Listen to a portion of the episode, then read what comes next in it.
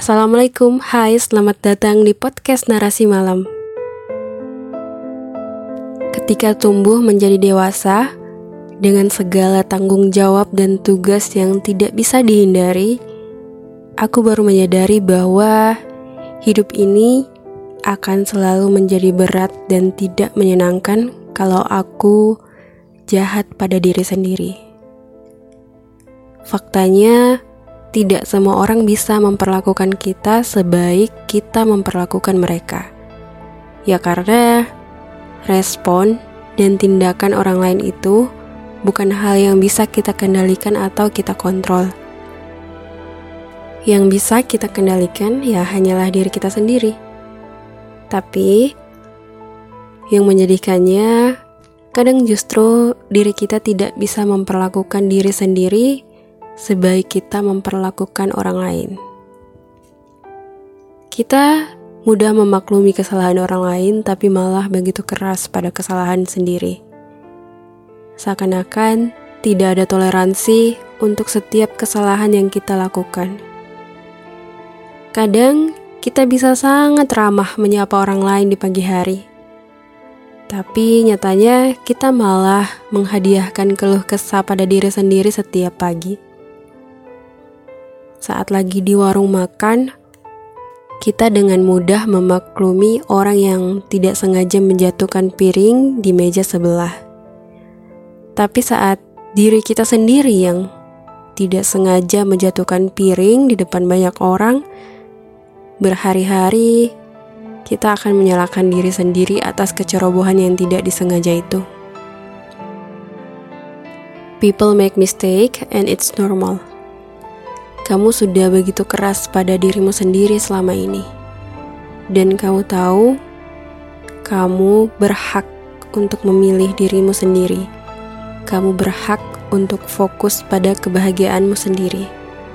Kamu berhak untuk memilih orang-orang yang kamu ingin ada di dalam hidupmu. Kamu juga berhak mengejar impianmu. Kamu sudah seharusnya bangga pada dirimu sendiri dan untuk mewujudkan ekspektasi semua orang bukanlah tugas kamu, bukan tanggung jawabmu. Aku tahu sudah begitu banyak perjuangan batin yang kamu lalui sendirian, yang sengaja kamu pendam agar tidak ada yang tahu bahwa kamu sebenarnya sedang tidak baik-baik saja.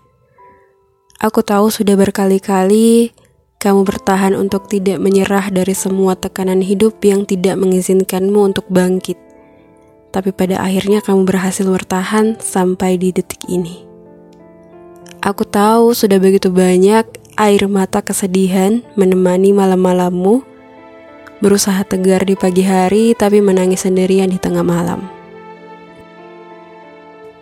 Hei, mungkin belum ada yang pernah mengatakan ini padamu, tapi aku ingin bilang bahwa kamu hebat, kamu kuat, kamu berharga, and I'm very proud of you.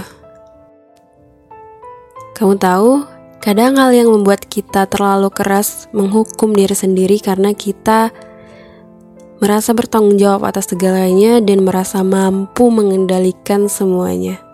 Sementara pada kenyataannya, kita ini hanya berjalan mengikuti skenario sang pencipta.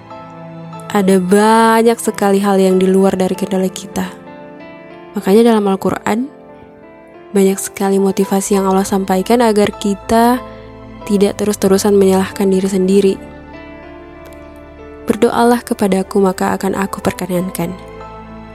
Bersama kesulitan ada kemudahan. Allah tidak membebani seseorang melainkan sesuai dengan kesanggupannya. Jadilah baik, sesungguhnya Allah menyukai orang-orang yang berbuat baik.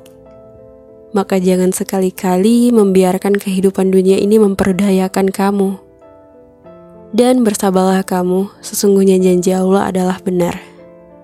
Itu tadi adalah potongan-potongan ayat yang Allah sudah siapkan untuk memotivasi kita semua, karena Allah tahu bahwa hambanya pasti akan melalui fase ini fase di mana dia begitu keras kepala merasa bisa menanggung semuanya sendiri, atau dia merasa bahwa dia adalah yang termalang di muka bumi ini.